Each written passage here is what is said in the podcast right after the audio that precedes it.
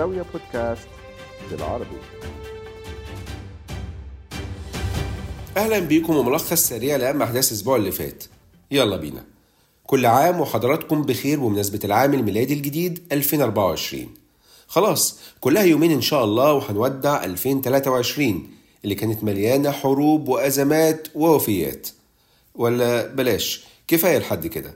مش ناقصين تشاؤم وخلينا مليانين بالتفاؤل بإذن الله. بس قبل ما نروح لأحداث الأسبوع اللي فات خلونا نلقي نظرة على أداء الأسواق العربية في عام 2023 وبعض المؤشرات العالمية. الأداء ده بناء على آخر بيانات متاحة وقت تسجيل الحلقة لأن لسه في يومين زي ما قلت قبل نهاية السنة. ونرجع للأداء. أفضل سوق عربي كان مصر اللي ارتفع مؤشرها الرئيسي EGX 30 ب 69% واللي معظم ارتفاعه كان في النص الثاني من السنة. لكن لو حسبت أداء السوق المصري بالدولار بس على السعر الرسمي المؤشر برضه هيكون أحسن أداء بارتفاع بس 35% تاني أفضل أداء كان سوق دبي اللي ارتفع ب 21% وبعديه السعودية بارتفاع 14% أما على الجانب السلبي فكان في انخفاضات بسيطة.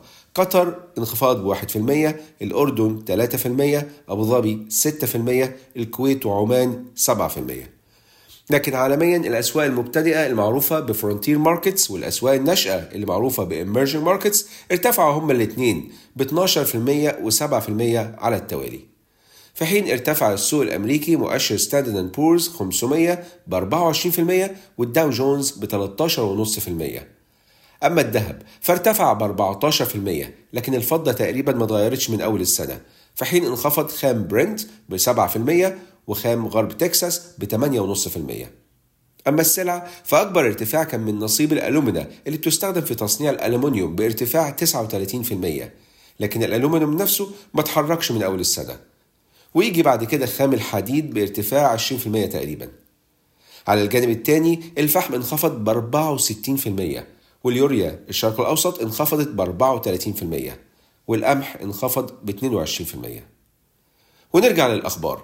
ولسه الحرب على غزة مستمرة لليوم ال 84 بس لحد اليوم ال 83 اللي هو امبارح الوضع لا يزال صعب من حيث الأوضاع الإنسانية دي من ناحية وموقف الملاحة في البحر الأحمر من ناحية تانية بعد تكرار هجمات الحوثيين في اليمن على السفن اللي بتمر من جنوب البحر الأحمر وبتكون متجهة لإسرائيل.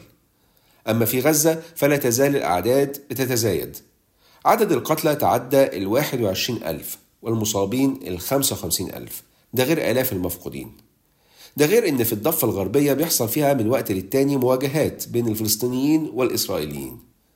نتمنى إن السنة الجديدة تكون أفضل وإن الحروب دي تنتهي في أقرب وقت. أما من ناحية الاقتصاد معدل البطالة في السعودية ارتفع من 8.3% في الربع الثاني ل 8.6% في الربع الثالث من 2023 ولكنه منخفض مقارنة بالسنة اللي فاتت اللي كان فيها معدل البطالة 9.9% أما من حيث الجنسين معدل البطالة بين الإناث في السعودية ارتفع من 15.7% ل 16.3% في الربع الثالث لكنه منخفض على أساس سنوي من 20.5% في الربع الثالث 2022 على الجانب الثاني استقر معدل البطالة بين الذكور في السعودية عند 4.6% في الربع الثالث من 2023 مقارنة بالربع اللي قبليه الربع الثاني ولكنه ارتفع على أساس سنوي من 4.3% في الربع الثالث 2022 ولسه في السعودية اللي مؤخرا شركة التعدين السعودية معادن أعلنت عن اكتشاف حزام ذهب رئيسي على امتداد 100 متر في جنوب منجم منصورة ومسرة للذهب. أحد أكبر مناجم الذهب في المملكة وده معناه اكتشاف محتمل لاحتياطات من خام الذهب. شركة معادن كانت قالت إن ده يعتبر الاكتشاف الأول من نوعه لبرنامج الحفر والتنقيب اللي أطلقته في 2022 قطاع التعدين بيعتبر من القطاعات اللي السعودية بتحاول تطورها ضمن رؤية 2030 اللي تهدف لتنويع الاقتصاد السعودي. المستهدف هو أن قطاع التعدين يساهم في الناتج المحلي ب 64 مليار دولار على 2030 أما الصادرات السعودية فانخفضت في أكتوبر اللي فات ب 17% على أساس سنوي ل 28 مليار دولار تقريبا بعد تراجع الصادرات البترولية ب 18% لحوالي 22 مليار دولار. أما الصادرات غير البترولية اللي بتشمل إعادة التصدير فتراجعت هي كمان ب 14% ل 6 مليار دولار تقريبا. على الجانب الثاني الواردات ارتفعت بنسبة 11.5% لحوالي 20 مليار دولار. وبكده تراجع فائض الميزان التجاري للسعودية في أكتوبر ب 50% على أساس سنوي ل 8 مليار دولار. ومع بداية 2024 ما ننساش اشتراطات الحكومة السعودية بخصوص الشركات اللي ملهاش مقرات إقليمية في المملكة واللي كانت قالت إنها مش هتتعامل معاها بعد كده.